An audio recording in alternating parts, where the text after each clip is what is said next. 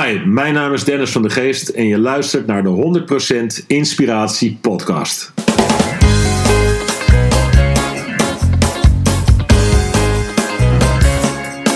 Hey, wat goed dat je luistert. Hij staat weer voor je klaar. Je wekelijkse dosis inspiratie is weer daar. De allerleukste gasten geven al hun kennis prijs. Met je veel te blije host, hij praat je bij. Zijn naam is Thijs. Thijs,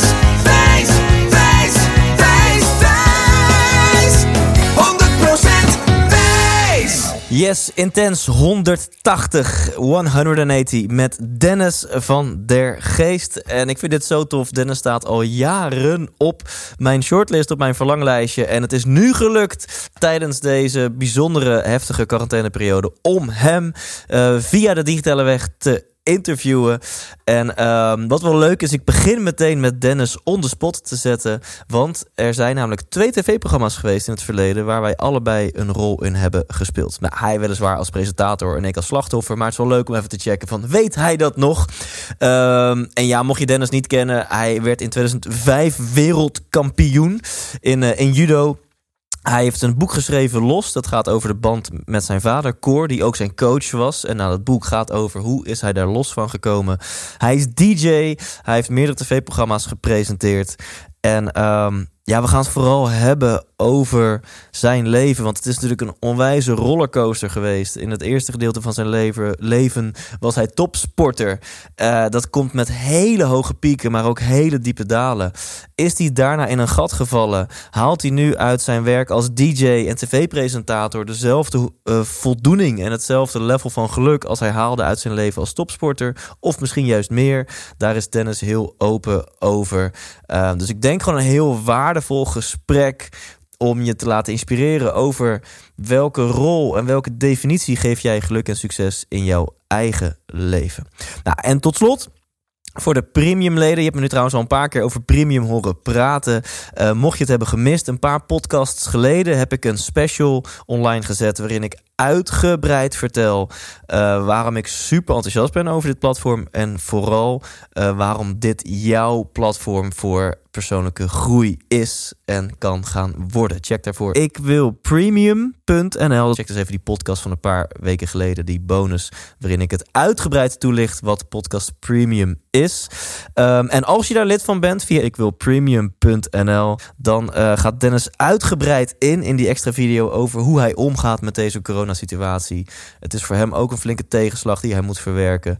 En um, uh, ik denk dat het heel interessant is om die, uh, die video te gaan checken. Want Dennis geeft er ook een aantal waardevolle tips over hoe je beter kunt omgaan met tegenslagen. En hoe eigenlijk de sport, hoe de judo hem dat heeft geleerd. Dus als premium lid staat het ook gewoon voor je klaar. Maar voor jou als vaste luisteraar is hier sowieso het hele interview. Hier is Dennis van der Geest. 100% Thijs! Uh, ja, dit, dit is hem. Je zit, je zit in de uitzending. En Dennis, voordat ik mijn eerste ja. vraag aan jou ga stellen, wat tevens ook de enige vraag is die ik heb voorbereid, en dat merk je zo dadelijk uh, vanzelf. Uh, vind ik het heel tof dat je, dat je in de podcast zit. Want ik, ik ben al zo'n twee jaar lang. Probeer ik jou, uh, probeer ik jou in de podcast te krijgen. En ik weet niet of, of, of mijn berichtjes ooit jouw kantoor, jouw bureau hebben bereikt. Of dat gewoon hè, de laag aan managements en assistenten voor jou mij gewoon netjes heeft genegeerd. Ja, dat, het kan op allerlei uh, uh, vlakken kan het misgaan. Het kan ook dat ik dat voorbij zie komen, dat ik denk, oh ja, leuk. En dat dan vergeet ik het weer. Of, terwijl um, nu opeens dacht ik, oh ja, het is best wel leuk om te doen. We hebben nu ook ja. natuurlijk enorm veel tijd. Want we zitten natuurlijk met z'n allen thuis. Ik was, ja. ik was blij dat ik een uurtje wat te doen had. ja. had, je, had, je, had je reden om even niet bij gezin te zijn. Sorry, papa moet even werken. Ja. ja, en voordat ik die eerste vraag ga stellen. Dit vind ik wel heel cool. Wij hebben in twee te televisieprogramma's gezeten. En ik ben benieuwd of jij ze allebei nog weet. Uh, nou, nee. Ik denk niet meer dat ik dat weet. Vertel. Oké, okay, okay. de, de eerste is. Uh, wat is de eerste? Dat is denk ik. Uh, wat zou je doen met die poen? Dat meen je. Zat jij daarin? En ik. Ja. Heb je nog meer hints nodig? Nee, wat, nee, nee ja, ik ken het programma natuurlijk nog wel, maar ik zou niet meer precies weten wat het was. Was het? Wij hebben, ik heb met mijn beentje Ja, ja, ja. Ah, dat was te gek, jongen. Met die eh, Amerikaanse auto er- erbij Ja. rijden. Op, die, eh, Ja. op die trekker erachter. Vol gas. Ja, Ja, in Katwijk op vliegveld Ja. Valken, Valkenburg, geloof ik. ja, dat was te gek. Maar wat Ja, erg... oh ja, nee, nu was Nou, ja. nee, nee ja, ik, ik was de drummer trouwens van het bandje. Ik was de drummer, dus als Ja. drummer val je ook niet echt op natuurlijk. Nou ja, eh, iets, maar, eh, soms iets meer eh, dan de basgitarist. Maar eh, nee, ja, Ja. de- de- sorry dat ik dat dan dus niet meer weet. Maar ik weet nog wel natuurlijk dat we daar gewoon vol gas over dat terrein Ja. hebben gescheurd. Want dat was echt hilarisch. Ja, Ja, want even voor de mensen. eh, We hebben tussen aanleidingstekens een wereldrecord gevestigd van het snelste optreden op aarde. Eh, eh, dus op tv eh, laat ze geloof ik zien dat we 130 km per uur rijden. Eh, in werkelijkheid was dat 90, maar dat was ook hard.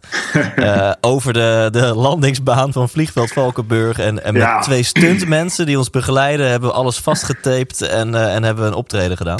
Nou, het Met idee, jou als presentator. Ja, het, het idee was dat het programma heette inderdaad Wat zou je doen met je poen? En ik zat in een soort jury waarin mensen mochten hun ideeën pitchen. En als wij het een leuk idee vonden, dan hadden we daar geld voor over om dat uit te laten komen. En jullie hadden natuurlijk eh, ja, best wel een hele leuke uitdaging, omdat jullie wilden dus eh, vol gas eh, maar, en, en dan spelen. Dus het moest natuurlijk, alles moest helemaal vastgezet worden. Jouw hele drumstel moest daar vastgezet worden. En moesten we een plek hebben waar natuurlijk ook konden rijden. Dus dat was inderdaad op dat oude vliegveld daar.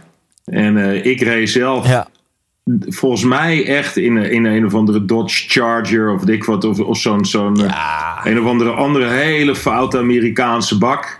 Ja, dus dat zag Ja. er ook helemaal te gek uit. Ja.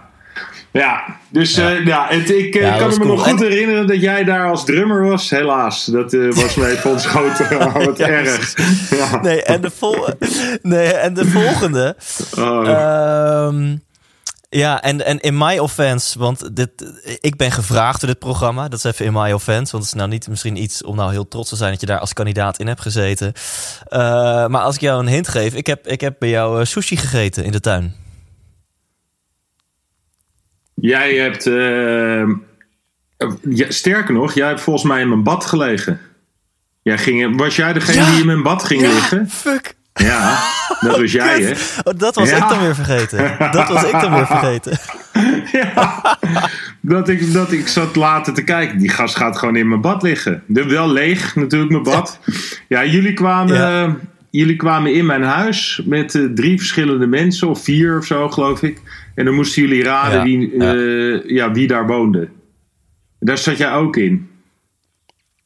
Dus ja, maar dat heette dan Wie doet de afwas. Ja. wie doet de afwas? Want als, eh, als jullie het geraden hadden, moest ik de afwas doen. Volgens mij hebben jullie het uiteindelijk ook geraden. Dus moest ik ook de afwas doen. Dus Ja. eigenlijk gaan wij gewoon Ja. way back. En eh, kan ik me dat dus niet meer herinneren. Wat erg, echt. Shame on me. Nee, ja, ik zit je ook een beetje te plagen natuurlijk. Maar eh, inderdaad, we gaan, we gaan way back. Ja, jij hebt wel indruk op mij gemaakt, eh, Dennis. Nou ja, ja, ik vind het heel erg. De, de situaties hebben wel indruk op me gemaakt. Maar nee, ik had niet, ik had niet meteen meer die, die link gelegd. Nou, dat moet je me dan maar even vergeven. Nee, nee, nee s- snap ik. Ehm, en ehm, nou ja, als we dan toch way back gaan. De eerste vraag, Dennis. Wat wil je, hoe, hoe, hoe jong ben je trouwens? Je bent 44 lentes jong, toch? Ja, Klopt dat? 44. Ja. Wat wil je worden als je later groot bent? Eh, ja, nou, ik, eh, ik heb toch al wel een hele hoop dingen die ik heel graag wilde al wel bereikt.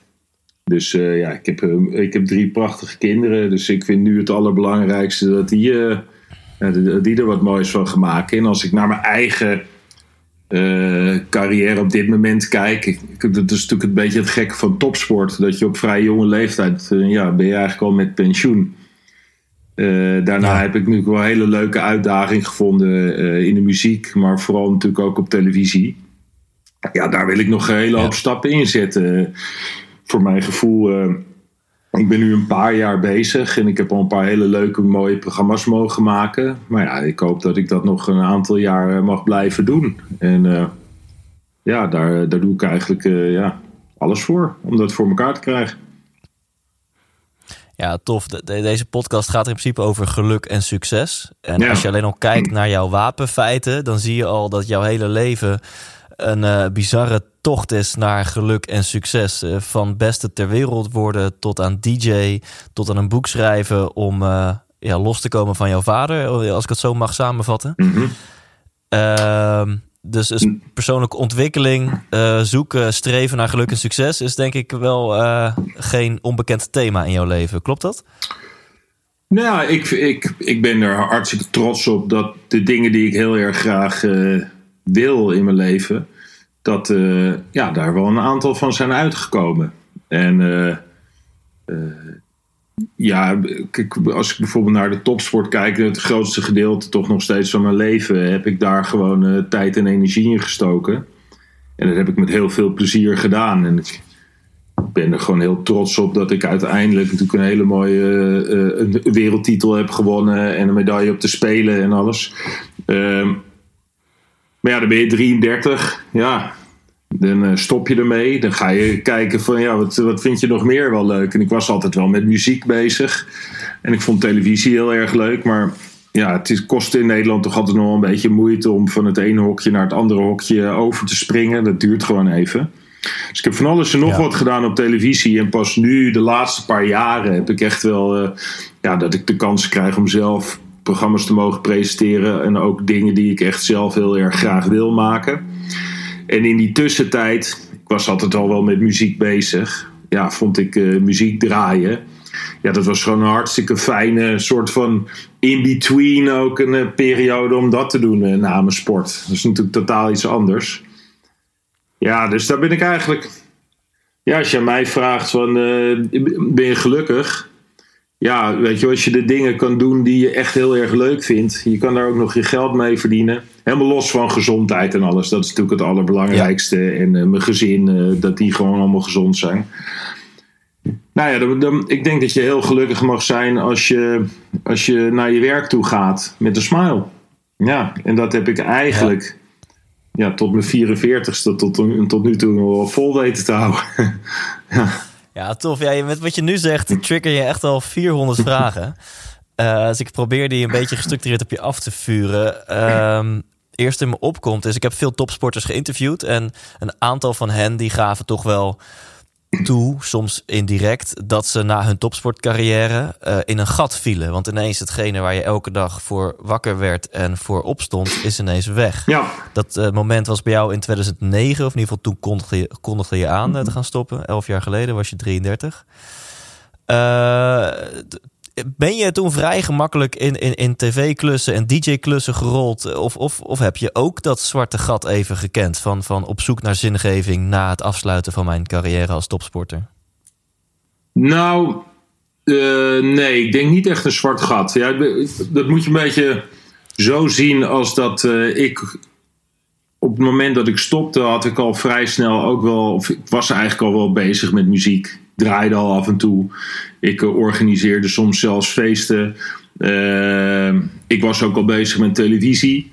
Dus de, de stap, toen ik stopte, had ik eigenlijk al wel uh, genoeg andere dingen te doen. Dus het was niet, ik stop op vrijdag en op maandag zit ik thuis en ik denk, wat moet ik nou gaan doen? dat had ik al wel vrij aardig ingevuld. Daarom was voor mij de keuze om ook te stoppen met topsport was een uh, hele bewuste keuze. Ik was in 2008 op de Olympische Spelen uh, geblesseerd geraakt. Ik uh, was aan het revalideren. En toen voelde ik wel een beetje dat het heilige vuur wel een beetje verdwenen was. En dan kan je nog steeds gewoon prima topsport beleven. En dan kan je ook nog wel wedstrijden winnen. Maar ja, er kwamen best wel veel andere dingen op mijn pad. TV-dingen, de muziek inderdaad steeds vaker kon ik uh, draaien. Dat, voor mij was dat eigenlijk wel, ja, ik van één ding wat ik niet gewonnen had, was de Olympische Spelen. En dat is natuurlijk één keer in de vier jaar. Dus dan had ik tot 2012 door moeten gaan ja, uh, na je dertigste wordt het ook niet dat je, dat je elk jaar nog beter wordt. Dus die kans die was ook zo klein dat ik dacht van, nou ja, dit is denk ik het moment om te stoppen. En omdat ik dus meteen al andere dingen te doen had, ja, heb ik dat zwarte gat ook, ook nooit zo gevoeld. Wel dat ik het heb gemist en nu nog steeds wel is. ik werk nu af en toe nog in het judo. En als ik dan bij die wedstrijden ben, ja, dan flitst het natuurlijk wel weer even door je gedachten van, oh ja, dat was toch een mooie tijd. Je vergeet ook vaak de, de nare dingen. Hè? Je onthoudt vaak alleen maar de toffe dingen. Ja. Dus dan ga je het een beetje romantiseren. En dan moet je ook af en toe tegen jezelf zeggen: Oh ja, weet je nog, trainingskampje daar ergens in een hoekje met de tranen in je ogen. Met een grote dikke bult op je knie of weet ik wat. Oh ja, het was toch niet zo heel erg tof. Uh, ja, dat, dat helpt dan wel weer even. Maar. Uh, ja, dus omdat het voor mij echt wel een hele bewuste keuze was en ik vrij snel andere dingen te doen had, uh, ja, heb ik dat zwarte gat nooit zo gevoeld.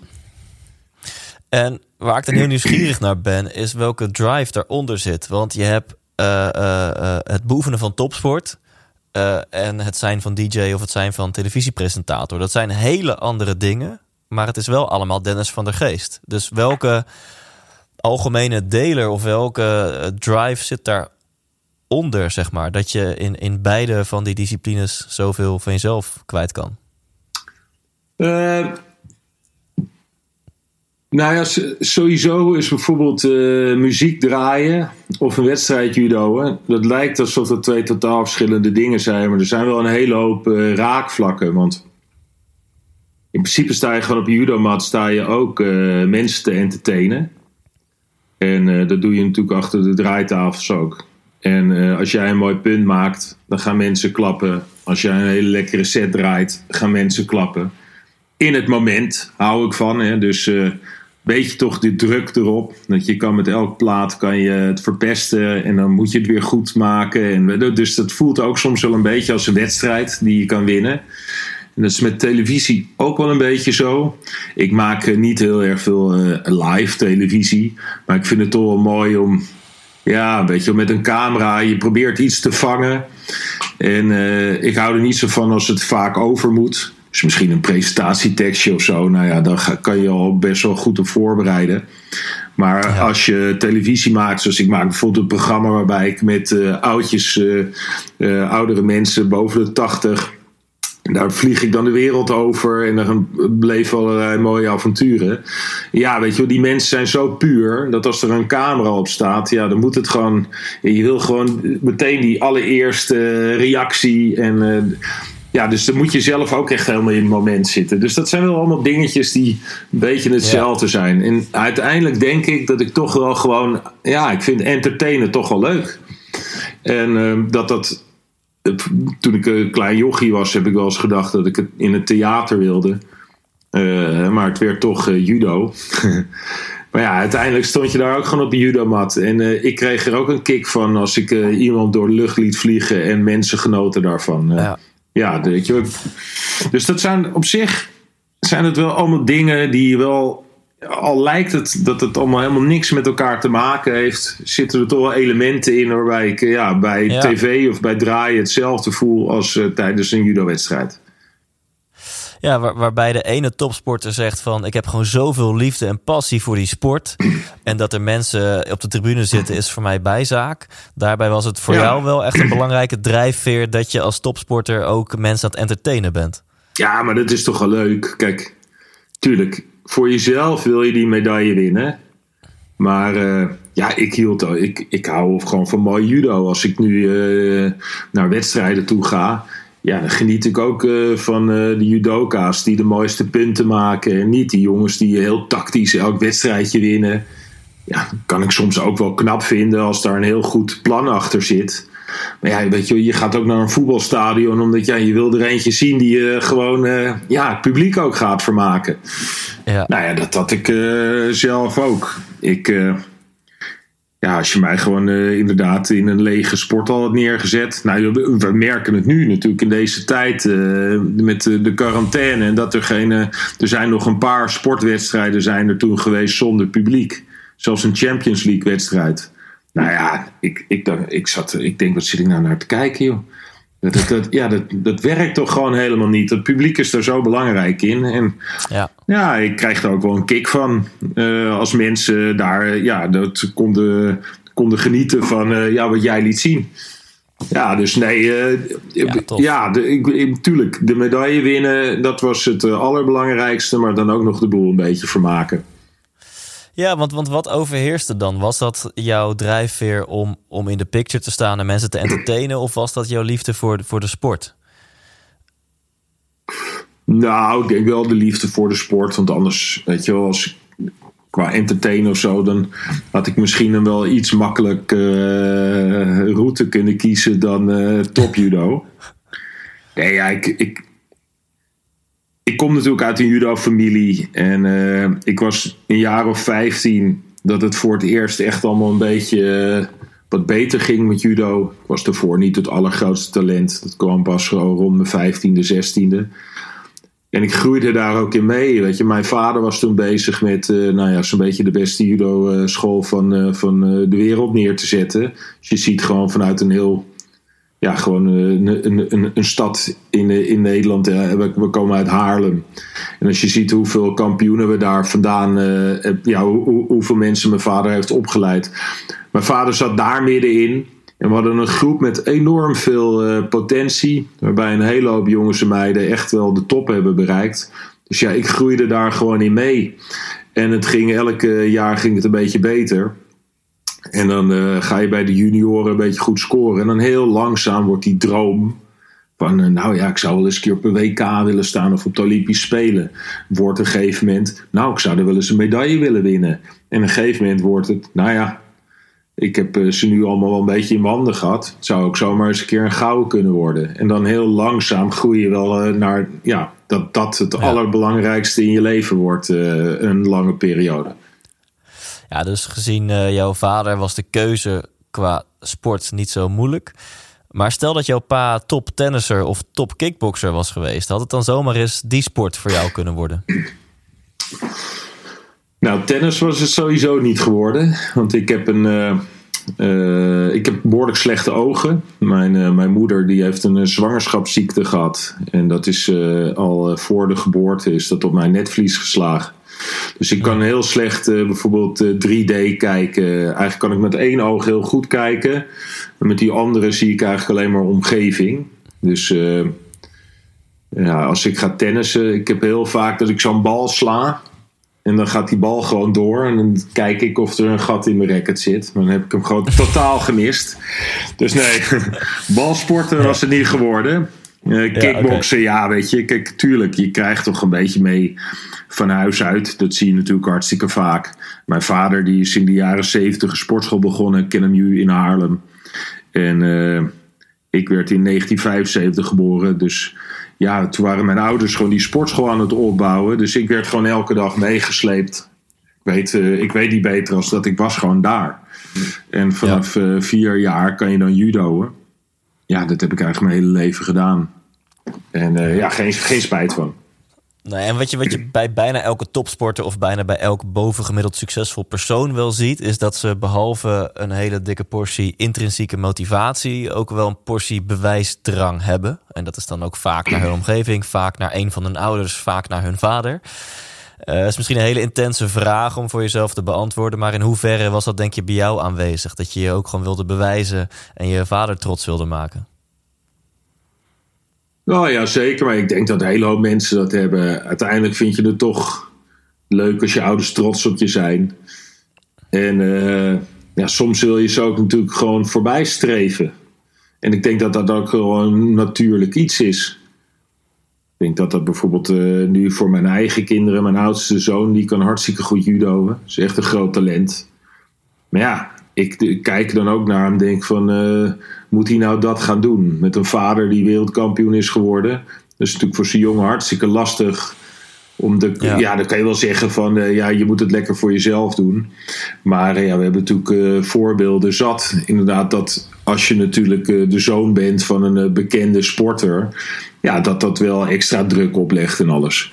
Kijk, mijn pa was als als judoka zelf niet zeer succesvol. Eh, twee keer derde van Nederland geweest. Eh, kon hartstikke lekker judo, maar is nooit echt een grote topper geweest. Maar wel als coach en als trainer heeft hij natuurlijk wel bewezen. Dus op de judomat kon ik hem uiteindelijk natuurlijk trots maken door mijn prestaties. Maar was het ook niet heel erg lastig voor mij om hem voorbij te streven. En dat moet je niet zo letterlijk zien.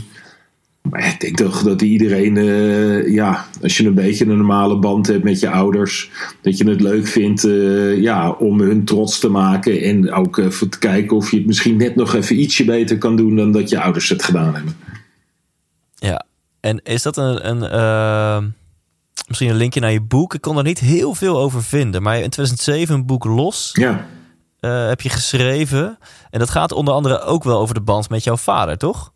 Ja, maar kijk, uh, wij hebben nu nog steeds uh, de sportschool. Dat is echt een familiebedrijf.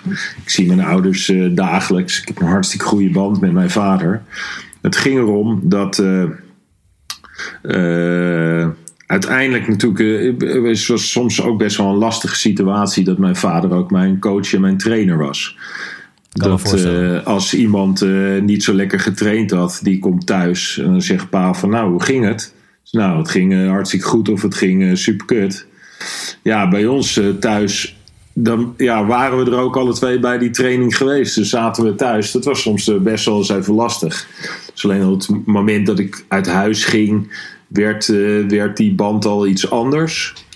En wat, ik, wat mij altijd, uh, wat, wat, ik altijd heel erg goed van mijn vader heb gevonden als coach, is dat hij heel goed was in mensen een spiegel voorhouden.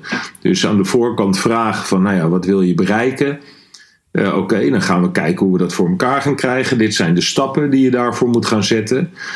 En tussen iets uitspreken en ook continu natuurlijk daar alles voor doen en voor laten, dat zijn natuurlijk twee verschillende dingen. Dus als je dan eens wat steken liet vallen, ja, dan was scoorde er altijd wel om je daarop te wijzen. En je daarom ook, ja maar, ja, maar goed, weet je wel, dat heb je natuurlijk soms heb je dat gewoon nodig. Als jij wereldkampioen wil worden, ja. dan uh, ja, de ene dag sta je op en dan. Uh, gaat alles bijna vanzelf op de training. Maar ja, het zit ook wel eens af en toe een beetje tegen. En dan is het wel fijn als je natuurlijk een trainer of een coach hebt die jou een beetje die, ja, op, op het juiste pad weet te houden. Alleen mijn pa, eh, omdat hij daar zo goed in was, was vaak het allerlaatste stukje. Uh, ja, hield hij ook nog wel eens iemand zijn mouw vast. Niet letterlijk, maar. Dus dat, uiteindelijk gaat het daarom met, met los zijn. Is dat, dat je. Kijk, ik, je staat in je eentje op een judomat. En op een gegeven moment in een WK-finale sta je natuurlijk. Je coach staat aan de kant. En je doet alles met elkaar tot aan dat moment. Want dan uh, gaat hij zitten op een stoel en jij moet het daar gaan laten zien.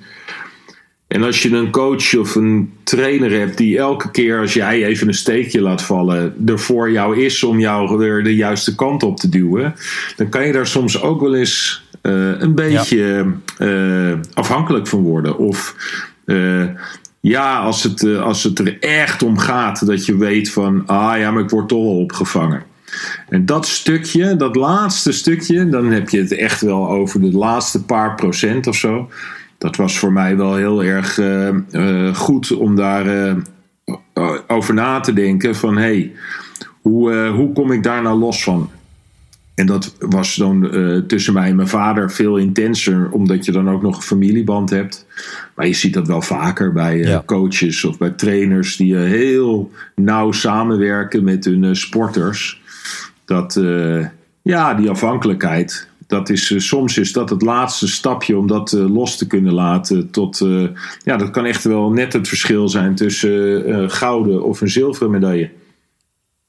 Dus gaat los dan meer over jouw vader loslaten als coach? Hè? Van hey, op de mat moet ik het toch echt zelf doen? Dan dat het gaat over jouw vader loslaten als.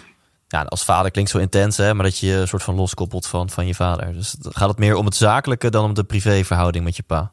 Nou ja, kijk, dat was bij ons zo verweven. Dus dat is wel een beetje lastig om dat precies aan te geven. Maar ook het, het feit van dat je natuurlijk uh, je ouders trots wil maken.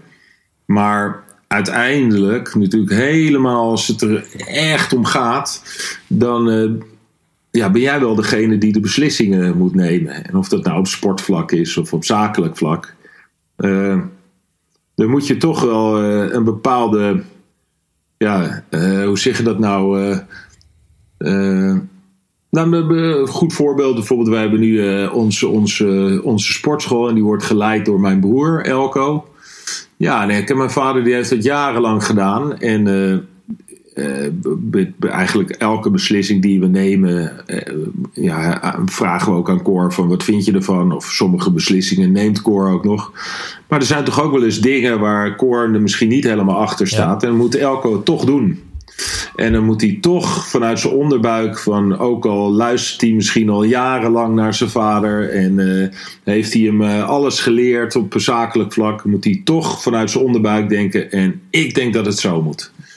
En dat is, uh, ja, dat is, dat is soms wel lastig, maar ik denk essentieel om, om dan het, echt het allerbeste uit jezelf te kunnen halen. Want dan ben je echt wel onaf, ja, toch onafhankelijk. Uh, zonder dat je het helemaal in je eentje doet, want je doet het nog steeds met elkaar.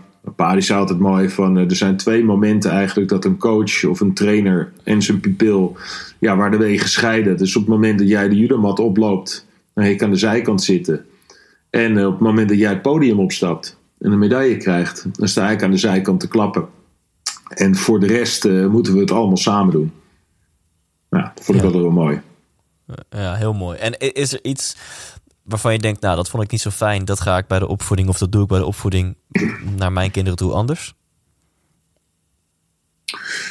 Ja, ik, nou ja, ik ben uh, een heel ander persoon uh, dan mijn vader. niet, niet natuurlijk op, op alles, maar ik ben wel iets rustiger dan hij. En kijk, mijn vader was, terwijl ik bezig was om kampioen te worden, was mijn vader ook nog steeds bezig om zijn sportschool gewoon ja, zo goed mogelijk te maken. Dus naast dat Dennis kampioen wilde worden, wilde mijn broer Elko dat ook. Maar wilde ook een Jessica en een Jenny Gal wilde dat. Claudia Swiers, Maarten Arens, Ben Zonnemans, uh, Henk Grol op een latere leeftijd. De, de broertjes Elmond. We hadden natuurlijk zoveel uh, Ruben Haukes, zoveel toppers. Dat ja, mijn vader moest ook wel daar natuurlijk allemaal zijn aandacht in, in verdelen. Dus die was ook heel erg nog bezig met zijn eigen strijd en met, met strijd van uh, een hele hoop anderen. Dus niet alleen maar zijn eigen kinderen. Ik, uh, ja, mijn oudste zoon die judoot. Ik ga naar de wedstrijden toe. Ik uh, zeg wel eens wat tegen hem van je zou het eens zo of zo moeten aanpassen. Maar ik ben daar helemaal niet zo intensief mee bezig als dat mijn vader ermee bezig was. En ik vind het ook uh, heel erg knap dat, uh, dat mijn pa dat gekund heeft. Joh. Want uh, als mijn zoon nu aan het judo is op de Noord-Hollandse kampioenschappen, dan ben ik al super zenuwachtig.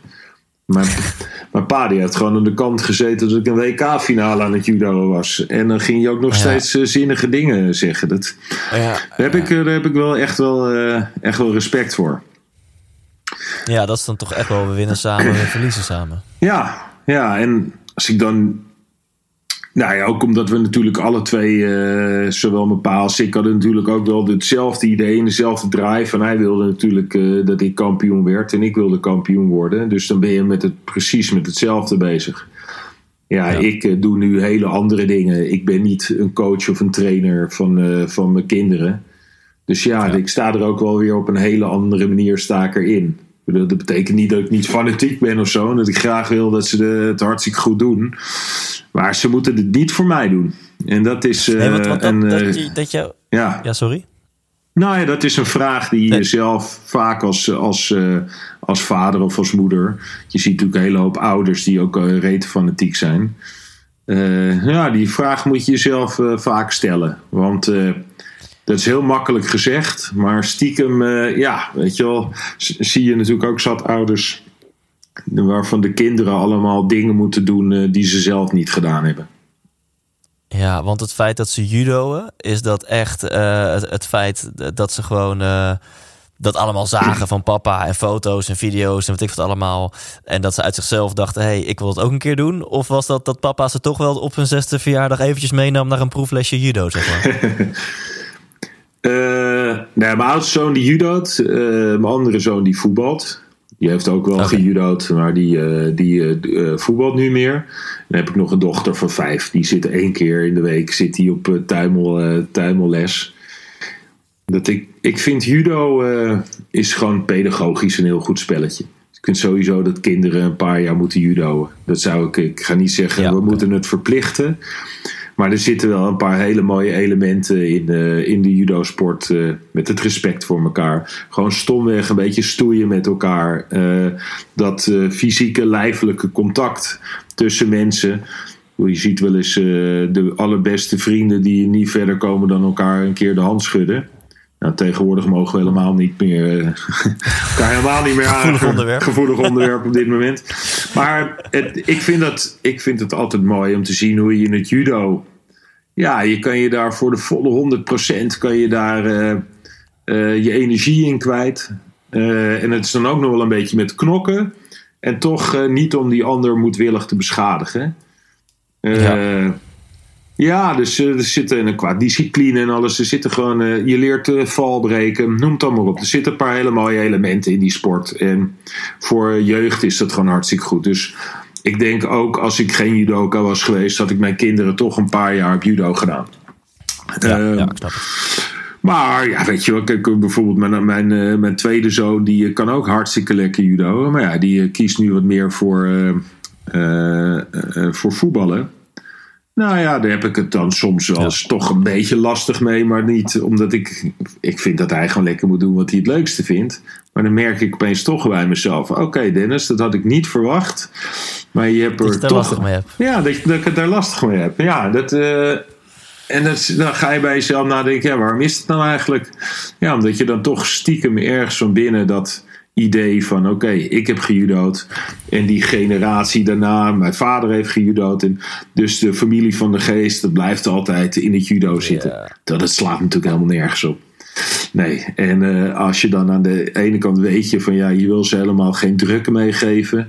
Want ze hebben al genoeg druk uh, dat er alleen al van de geest op een achterrug uh, of op een, op, een, op een rug staat. Nou, aan de andere kant merk je dat je bij jezelf dat dat dus toch speelt. Dat je eh, toch, als hij dan voor voetbal kiest, even moet denken van... Oké, weet je wel, oké. dus uh, hij gaat niet als judoka in mijn voetsporen treden. Ja, en dat is, maar dat is mooi toch? Om daar zo met jezelf over na te denken. En eigenlijk te merken van... Dat je aan de voorkant denk je, nou ja, daar ga ik echt helemaal geen last van hebben. En dat je dan voelt dat je er stiekem toch een beetje last van hebt. Ja. ja. lijkt me een enorme dissonantie in je hoofd. Ja. Dat je de ene stemmetje zegt, ja, je wil... Rationeel gezien wil je 100% dat jouw kids kiezen voor waar zij gelukkig van worden. Ja. Uh, en, en emotioneel zegt, zegt er toch iets in jou... Ja, oké, okay, ik had stiekem toch gehoopt dat het judo was geweest. Ja, maar ja, precies dat is het inderdaad. Uh, voor de volle 100% wil je, als ik mijn zoon op het uh, voetbalveld zie, dan zie ik dat hij daar hartstikke naar zijn zin heeft. Uh, dus daar geniet ik hartstikke veel van. Nee, dan, ja, het, het is toch als je kinderen dat dan bijvoorbeeld niet doen. Ja, dit is ook een beetje voor jezelf, is dat ook een beetje loslaten. Uh, ja, want ja, ja, ik in mijn hele leven is dat judo is daar zo'n groot, grote belangrijke factor in geweest. Dat, uh, ja, ja, dat is wel interessant hoe dat dan werkt als je eigen kinderen daar dan wel of niet voor kiezen. Hey, en om dan dit onderwerp af te ronden, want ik wil het ook zeker hebben over jouw leven mm. na judo. Of in elk geval na jouw eigen carrière als topsporter. Uh, in 2005 was er maar één wereldkampioen en dat was Dennis van der Geest. Je bent letterlijk uh, de beste van de wereld geworden. Uh, wat, hoe komt dat? Wat is jouw succesformule? Hè? Uh, je zei al iets van: ik heb er alles voor uh, gedaan en alles voor gelaten. Maar wat maakte dat jij de beste ter wereld was en al die andere mensen niet? Ja, uh, ja dat, is een heel, dat is echt lastig om dat, uh, uh, ja, om dat uit te leggen. Kijk, sowieso was ik in die periode was ik gewoon wel een van de beste zwaargewichten ter, ter wereld. Want het jaar daarvoor uh, werd ik derde op de Olympische Spelen. Het jaar daarvoor was ik al een keertje tweede op een WK geworden. Ik was al een paar keer derde. Dus ik zat er elke keer wel heel erg dichtbij. Dus je weet wel, als het even een keer een beetje mijn kant op valt, ja, dan, dan kan het. Iedereen uh, heb je wel eens een keer verslagen. De jongens die wereldkampioen worden die jaren ervoor, nou, die heb je dan ook wel eens een keer verslagen. Dus je weet, oké, er gaat wel eens een keer een moment komen, hopelijk dat, uh, dat het gaat lukken. ik was gewoon al zwaar. Ik, ik, ik was gewoon een, een, een judoka. Ik vond judo echt wel heel erg leuk. Waar we het net ook over hadden. Over dat je het leuk vindt om mensen te entertainen. Zorgt er ook voor dat ik misschien niet altijd al mijn wedstrijden heel tactisch uh, heb gewonnen. Ik vond het prachtig om juist die zware gasten, want ik judode dan boven de 100 kilo. Hè. Dus uh, de zwaarste waar ik ooit tegen judo heb, boven een kilootje of 200. jongens van, ja, ja, jongens van 140, 150. Dat was natuurlijk allemaal ja, eigenlijk altijd wel. Uh, en ik vond het mooi om dat soort gasten echt plat op hun rug te smijten. Weet je wel? Dus daar heb ik altijd wel met heel veel plezier heb ik daar heel hard aan gewerkt om dat voor elkaar te kunnen krijgen. Dus ook als je kijkt, die dag dat ik wereldkampioen werd, heb ik eigenlijk al mijn wedstrijden wel met verschillende worpen gewonnen. Dus dat, uh, ja, dat kon ik wel. Ik had wel talent natuurlijk.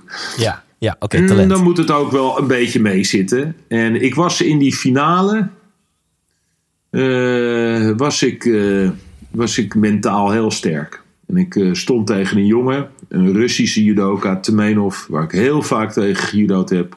Heb ik ook uh, vaak van verloren. Ik denk misschien wel vaker van verloren dan gewonnen. Maar uh, toen die finale daar stond, keek ik naar hem. En ik weet nog goed dat, uh, dat mijn, uh, een andere trainer naast mijn pa, Maarten Arends, die zei: je moet, je moet even naar hem kijken, Dennis, want volgens mij is hij super zenuwachtig. Terwijl dat was altijd best wel zo'n stoïcijnse Rus. En ik keek naar hem en ik zei: Je bent gewoon zenuwachtig. Ik heb jou nog nooit zo gezien. En dat sterkte mij alleen maar. Toen die wedstrijd begon, wilde hij er ook heel snel van af. Dus hij gooide, gooide meteen zijn allergrootste technieken meteen in de eerste paar seconden eruit. En dat blokte ik keihard. En ik voelde gewoon aan hem dat hij daarvan schrok. Dat hij dacht van oké, weet je wel, ik ga dit, uh, dit gaat hem gewoon niet worden.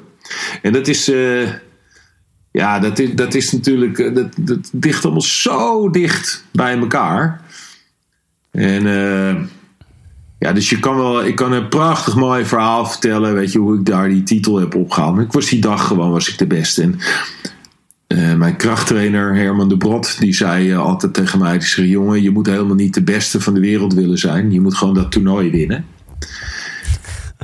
Maar zo, zo is het heel vaak, hè? Zo is het heel vaak in de sport. Want je gaat van tevoren zitten kijken en dan ga je uitrekenen, oh, dan gaat die tegen die komen en dan komt die tegen die.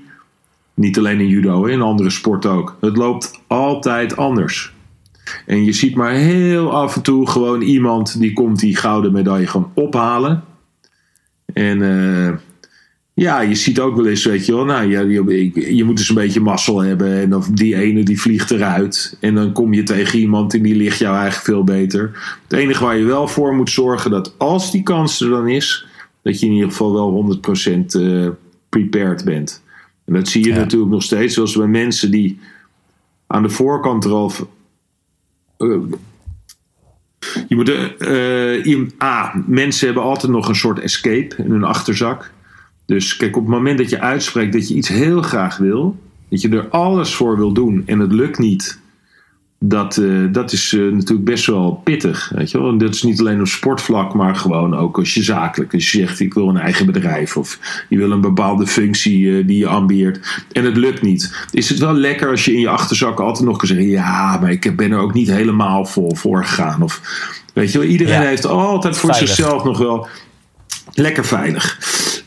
Als je dat niet meer hebt, ja, dan wordt het natuurlijk wel heel erg ja, dan moet je ook heel erg eerlijk zijn als het niet lukt. Om, dan gewoon te zeggen, nou, ik was gewoon niet goed genoeg. En sommige mensen die denken aan de voorkant al van, nou, het gaat me toch niet lukken. Dus dan gaan ze zich ook niet helemaal vol uh, goed voorbereiden. Omdat ze toch al denken van, nou ja, het zit er niet in. Maar het kan altijd zo een keertje een beetje je kant opvallen. En als dat dan een keer gebeurt en je staat er klaar voor en je bent dan niet voorbereid, ben je toch een hele domme lul. Ja. ja, dus weet je, liever dan maar gewoon ergens een periode vol voor gaan en een keihard op je bek gaan. En dat is enorm balen als je tegen jezelf moet zeggen van nou oké, okay, het was misschien te hoog gegrepen. Maar lig je volgens mij een stuk rustiger in je bed over 20 jaar dan dat je tegen jezelf moet zeggen ja, ja ik had het wel gewild, maar ja, en dan heb je er nog een paar smoesen en stiekem van binnen denk je ach, had ik het maar anders gedaan of was ik er maar wel vol voor ja. gegaan. Dan maar een keertje Precies, vol op je bek. Oké, dus je zegt talent is heel belangrijk. Vervolgens moet je gewoon 100% voor durven te gaan. Je moet een beetje geluk hebben, je moet een beetje tactisch zijn. Maar als die opportunity dan komt, dan moet je gewoon maximaal voorbereid zijn Ja, om hem te pakken. ja dat is ook leuk. Hè? Kijk, Ja. achteraf is het natuurlijk hartstikke leuk om te praten als je wereldkampioen bent eh, van hoe dat allemaal ging.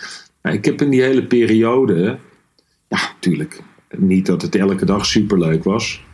Ik heb maar, maar met heel veel plezier heb ik dat wel altijd gedaan. En als mensen me vragen, ja, dat is toch als topsporter heb je toch heel veel moeten eh, dingen niet kunnen doen en zo. Maar ja, heb je allemaal dingen gemist? Ik heb helemaal niks gemist. Ik heb in de kwantiteit misschien wat gemist. Dus eh, ik ging ook wel eens een keertje naar de kroeg. Maar ja, dan had ik misschien mijn studentenvrienden die gingen dan eh, 40 keer. En ik was dan één keer geweest of zo. Weet je wel? Dus in kwantiteit misschien. dat je af en toe, ja, Ja. Eh, wat, wat dingetjes heb gelaten. Maar dat is het voor mij allemaal waard geweest. En ik denk ook als ik niet die allergrote medailles had gewonnen, was het ook waard geweest. Want het heeft mij ook als persoon heb ik gewoon heel veel geleerd van mezelf. Dingen waar ik nu Ja. in mijn dagelijks leven met de dingen waar ik nu mee bezig ben, heb ik daar gewoon nog steeds profijt van.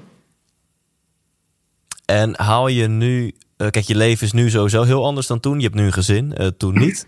Eh, je had toen een carrière als topsporter. nu niet, althans niet actief. Ehm, haal je nu net zoveel geluk uit je, je werk? Dus DJ'en, presenteren, als, als toen?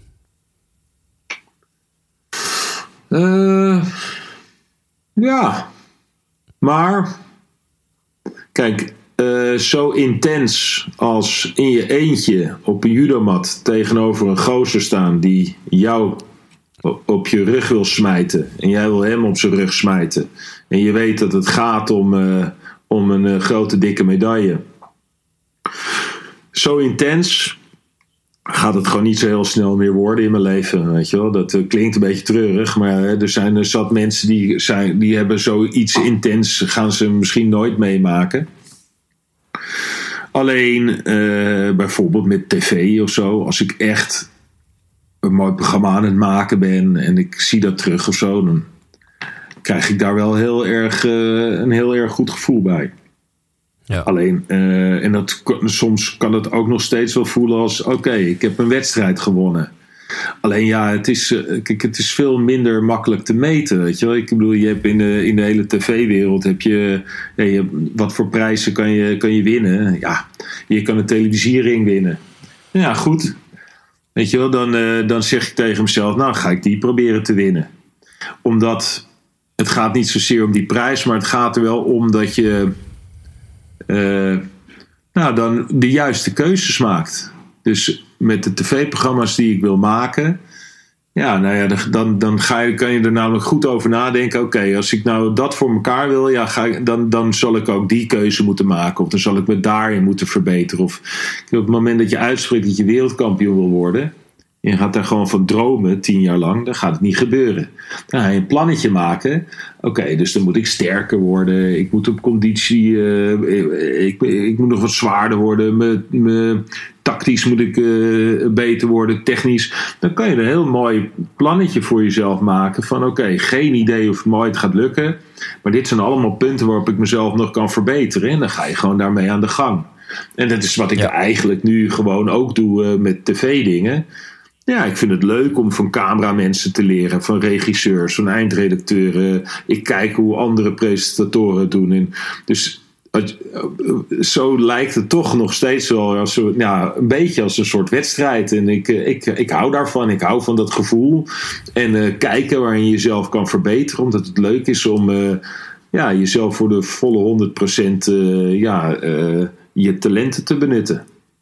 Ja. ja, dus je zou kunnen zeggen, je hebt zeg maar duurzaam geluk en korte termijn geluk. En het duurzame geluk van gewoon met plezier naar je werk gaan heb je nog steeds. Ja. Maar dat hele intense van iemand op zijn rug leggen en, en een wedstrijd winnen, dat is zo extreem, dat, dat, dat haal je nu niet uit je werk als presentator. Nee, omdat, ja, maar dat is gewoon ook echt niet te vergelijken. Ik, nou, misschien Nee. als ik. eh, je, je ziet wel eens af en toe iemand een live show of zo presenteren. En ik kan me voorstellen dat je bijvoorbeeld de finale van uh, The Voice of zo, uh, weet je wel, uh, Martijn Krabbe. Nou heeft hij dat natuurlijk al zo vaak gedaan. Dan kan me voorstellen dat als je dan daar het podium oploopt en het is live en je weet dat er heel veel ja. mensen kijken en er zit een, heel, een, heel, hele studio vol met mensen. Nou, dan kan ik me voorstellen dat dat voelt alsof je een wedstrijd gaat maken. Dat, dat, dat intense gevoel, weet je, dat, dat, is, uh, dat, ja. dat is ook wel een soort van verslavend gevoel natuurlijk. Maar ik ben daar niet mega meer naar op zoek. Maar dat is, dat, als ik daarover nadenk, hoe dat was als in mijn eentje op zo'n judomatje staan ja, dat, dan heb je wel het gevoel dat je leeft. Ja, dat uh, ja, wie, wie weet. Intens. Ja, ja. ja, je weet het niet. Kan raar lopen. Wie weet ga je nog een theater in of zo, Dennis? Uh, you never know, toch? Dan heb je ook alweer, kan ik uit ervaring dan zeggen, ook weer die kick. Ja, ja dat geloof ik. Dat, ik denk dat dat.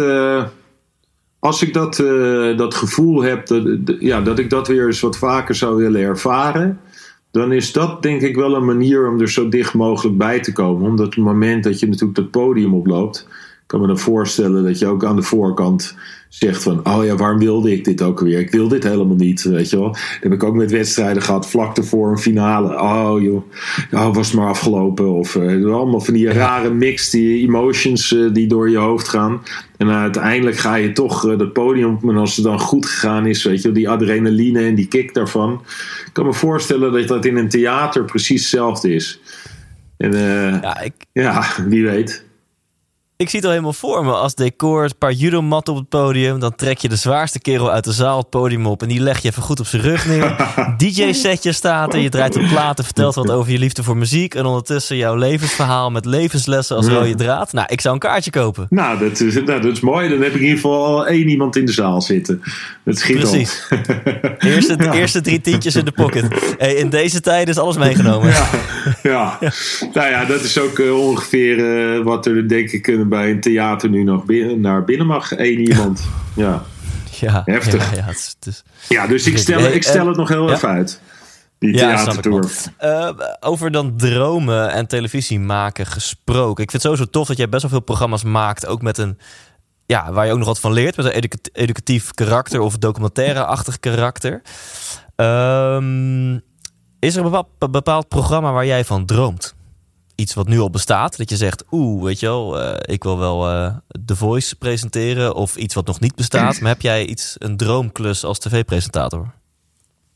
Ja, dat, dat, dat vind ik lastig. Want ik, uh, ik heb nu bijvoorbeeld drie seizoenen een programma gemaakt. Dat heet De Wereld Rond met 80-jarigen.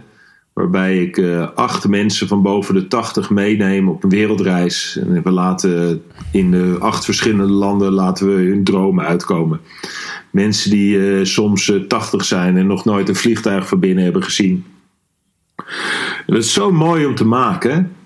En gewoon dat feel good televisie mag die mensen interviewen. Ik mag samen met hun die dingen beleven. Uh, ik, uh, ik mag reizen, wat ik ook heel erg fijn vind. Uh, en, en televisie ook. ik hoef niet zo nodig in een grote studio te staan, maar met een klein team en dan zoiets heel moois maken. Ja, dat, dat, dat, dat, dat is er best wel dichtbij. Dat als ik van tevoren zou mogen dromen van wat soort programma's zou je nou willen maken? Nou, dan is het misschien wel dat. En dat kan natuurlijk in allerlei verschillende vormen. Uh, waar ik nog steeds van kan genieten is een uh, programma als uh, zo'n All You Need Is Love. Waar Robert en Brink zowel in een studio als buiten de studio een programma maakt. Omdat ik dat dan ook wel weer een uitdaging vind om te kijken, ja, kan ik dat, zou ik dat ook kunnen als presentator? Ik bedoel, die man die is natuurlijk echt daar gewoon zo geweldig goed in. Dus nou ja, pas op het moment dat ik denk van nou, ik weet niet of ik dat kan, dan sla ik meestal wel op aan, weet je wel. Dan krijg ik wel zoiets van, nou, dan wil ik het stiekem misschien toch een keertje proberen. Of, uh, maar ja, weet je wel, ook daar moet je veel geluk en, en, en die kansen moeten ook voorbij uh, komen. Um, en ik, ik hoop, kijk, ik werk voor SBS en... Uh, toen ik daar terecht kwam, ik, de eerste paar jaren dat ik echt zelfstandig dingen ging presenteren was voor de EO. En uh, met mooie maatschappelijke thema's. en ik ben er gewoon wel trots op dat ik, in, ja, dat ik die lijn ook bij SBS een beetje heb kunnen doortrekken. En uh, ja, weet je wel, ik heb ook uh, een, een seizoen Bonje met de Buren gedaan. Wat ik trouwens heel erg leuk vond om te doen, weet je wel. Maar ja, het afgelopen jaar heb ik een programma gemaakt dat heet Dennis en de Vrije Geesten. Waarbij ik op zoek ben gegaan naar ja, mensen die gewoon op een beetje een andere manier leven in, in Nederland.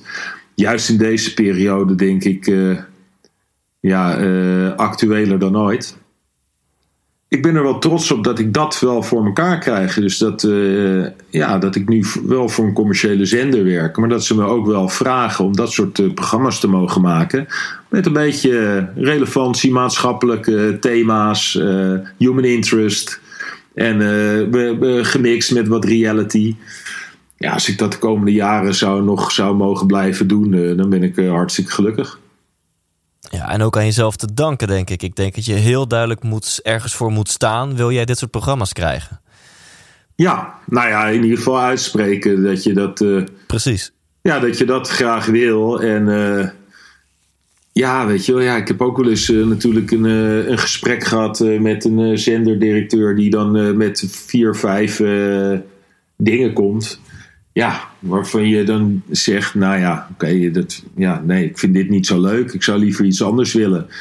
En uh, ja, de ene keer, ja, het is ook een beetje geven en nemen natuurlijk. Ik ben er hartstikke trots op uh, uh, dat ik nu tv mag maken. Maar ja, dat er dus ook mensen zijn die dat gezien hebben. En die zeiden van, oké, die jongen die heeft een groot gedeelte van zijn leven... heeft hij in een judo-pak rondgelopen. Ja, ik bedoel, zodra je hem voor een camera zet, dan kan hij dat. Dus uh, we gaan hem een kans geven. Ja, ja en uh, ja, weet je wel, uh, we, we, gaan het zien. Ik hoop dat ik nog een vierde seizoen mag maken met de, die ouderen. En er zitten nog wel een paar mooie dingen in de pijplijn. op dit moment is het natuurlijk allemaal een beetje afwachten. Want ja, het is een hartstikke lastige tijd nu. Het is bijna onmogelijk om iets te maken. Dus ja, de komende maanden wordt, uh, wordt wel even spannend. Maar ik hoop dat we er gewoon met z'n allen hier heel erg goed uitkomen. Dat ik dan gewoon weer uh, ja, de draad kan oppakken. Tof. En dan tot slot, om dan ook dat helemaal rond te maken, Dennis, uh, de DJ. je zegt net, nou tof dat ze mij de kans hebben gegeven op tv. Hè? Dat je, ook als je judo pak uittrekt, andere talenten blijkt te hebben. Uh, nou, toen wij elkaar spraken, uh, die, ene keer in je huiskamer bij opnames van uh, Wie doet de afwas, toen gaf je ook aan dat je het best wel lastig vond dat sommige mensen dat dan moeilijk vinden. Van, hey, je, je bent toch die judoka? Kan je nu ook ineens plaatjes draaien? Dat mensen zo snel je in een hokje plaatsen. Ja. hoe, hoe is dat nu? En vond je dat dus lastig?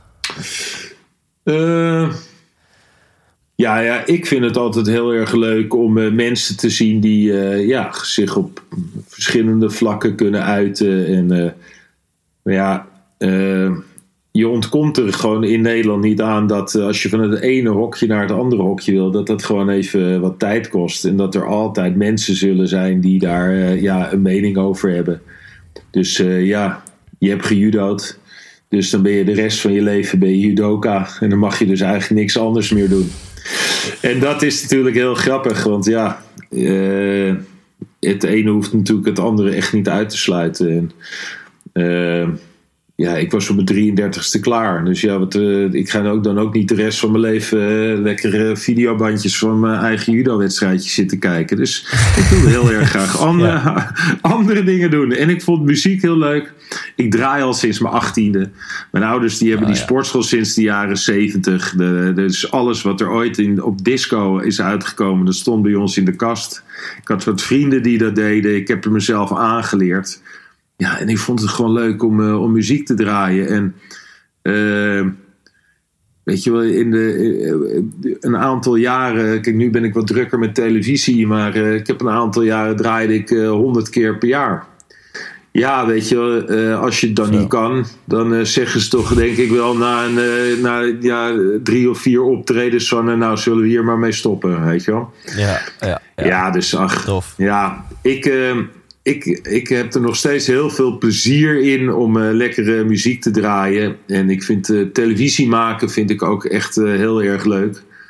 En ik, ik, ik ben er trots op dat je ziet dat laatst zag ik in een interview, zag ik staan presentator Dennis van der Geest. Er zijn al zat mensen die misschien mij niet eens meer van het judo kennen. Het is, ik bedoel, die, die prestaties, ja, ik bedoel, die heb ik geleverd. Ja, ik zit nu gewoon in een hele andere fase. En eh, ik vind het ook wel weer leuk dat uh, sommige mensen dat misschien wel helemaal niet weten. Of uh, dat ze dat nog wel weten. Maar dat ze me nu gewoon ja. ja. naar me kijken als presentator. en dat dat niks meer met judo te maken heeft. Ja, ja tof. En ja, ook jij zal dan ehm, hebben gemerkt, denk ik, dat de komende twee maanden je agenda redelijk is geruimd. Ja. Als al je boekingen. Nou ja, en onze sportschool is dicht. En uh, kijk, die, uh, die boekingen vind ik heel erg vervelend. Dat raakt mij uh, financieel natuurlijk. Maar oké, weet je wel, dat, daar ga ik nog wel overheen komen en alles. Maar onze sportschool is gesloten. Waar wij ook, naast dat we natuurlijk gewoon een hele hoop mensen daar gewoon een hele fijne plek hebben om daar te sporten, hebben we ook gewoon een hele hoop werknemers. Ja, daar maken we ons wel echt wel zorgen om hoe lang we dat allemaal gaan volhouden. Dus een prachtig mooi familiebedrijf. En uh, ja, dat staat nu even onder druk. Ja. Uh, het enige wat ik kan zeggen is, ja, weet je wel, uh, we zijn gezond. En dat is het allerbelangrijkste. Ik heb mijn ouders nu al even een paar dagen niet meer echt lijfelijk gezien. Mijn vader, die is 74.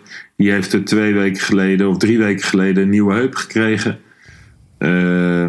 dus die is ook kwetsbaar daarin. Ja.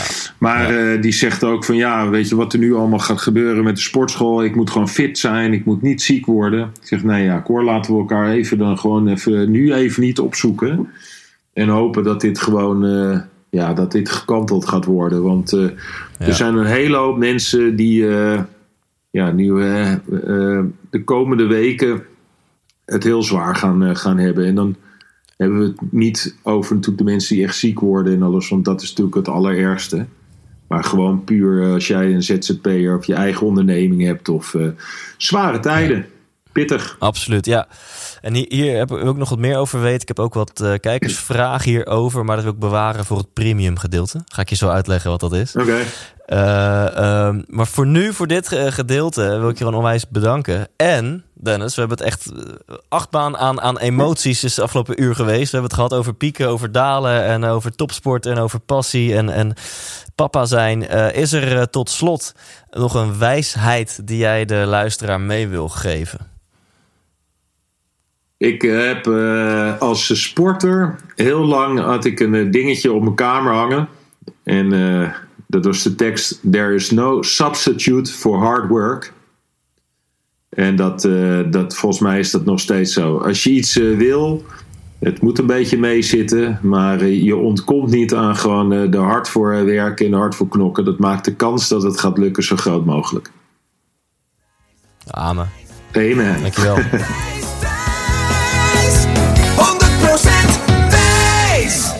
Yes, bedankt voor het luisteren naar dit interview. Dennis, onwijs bedankt dat je de tijd hiervoor hebt genomen. Ik vind het echt een grote eer. Uh, voor premiumleden, you're in for a treat. Er staat echt nog een half uur extra content voor je klaar. Met tips over hoe ga je om met tegenslagen. Waarin Dennis open is over hoe hij omgaat met deze uh, corona-situatie. En met tips over hoe je nog beter jezelf kunt leren kennen. Iets wat essentieel is in een gelukkig leven. Dus you're in for a treat als premium lid. En wil je dat ook? Check dan ikwilpremium.nl. En anders gewoon tot volgende week. Leef intens.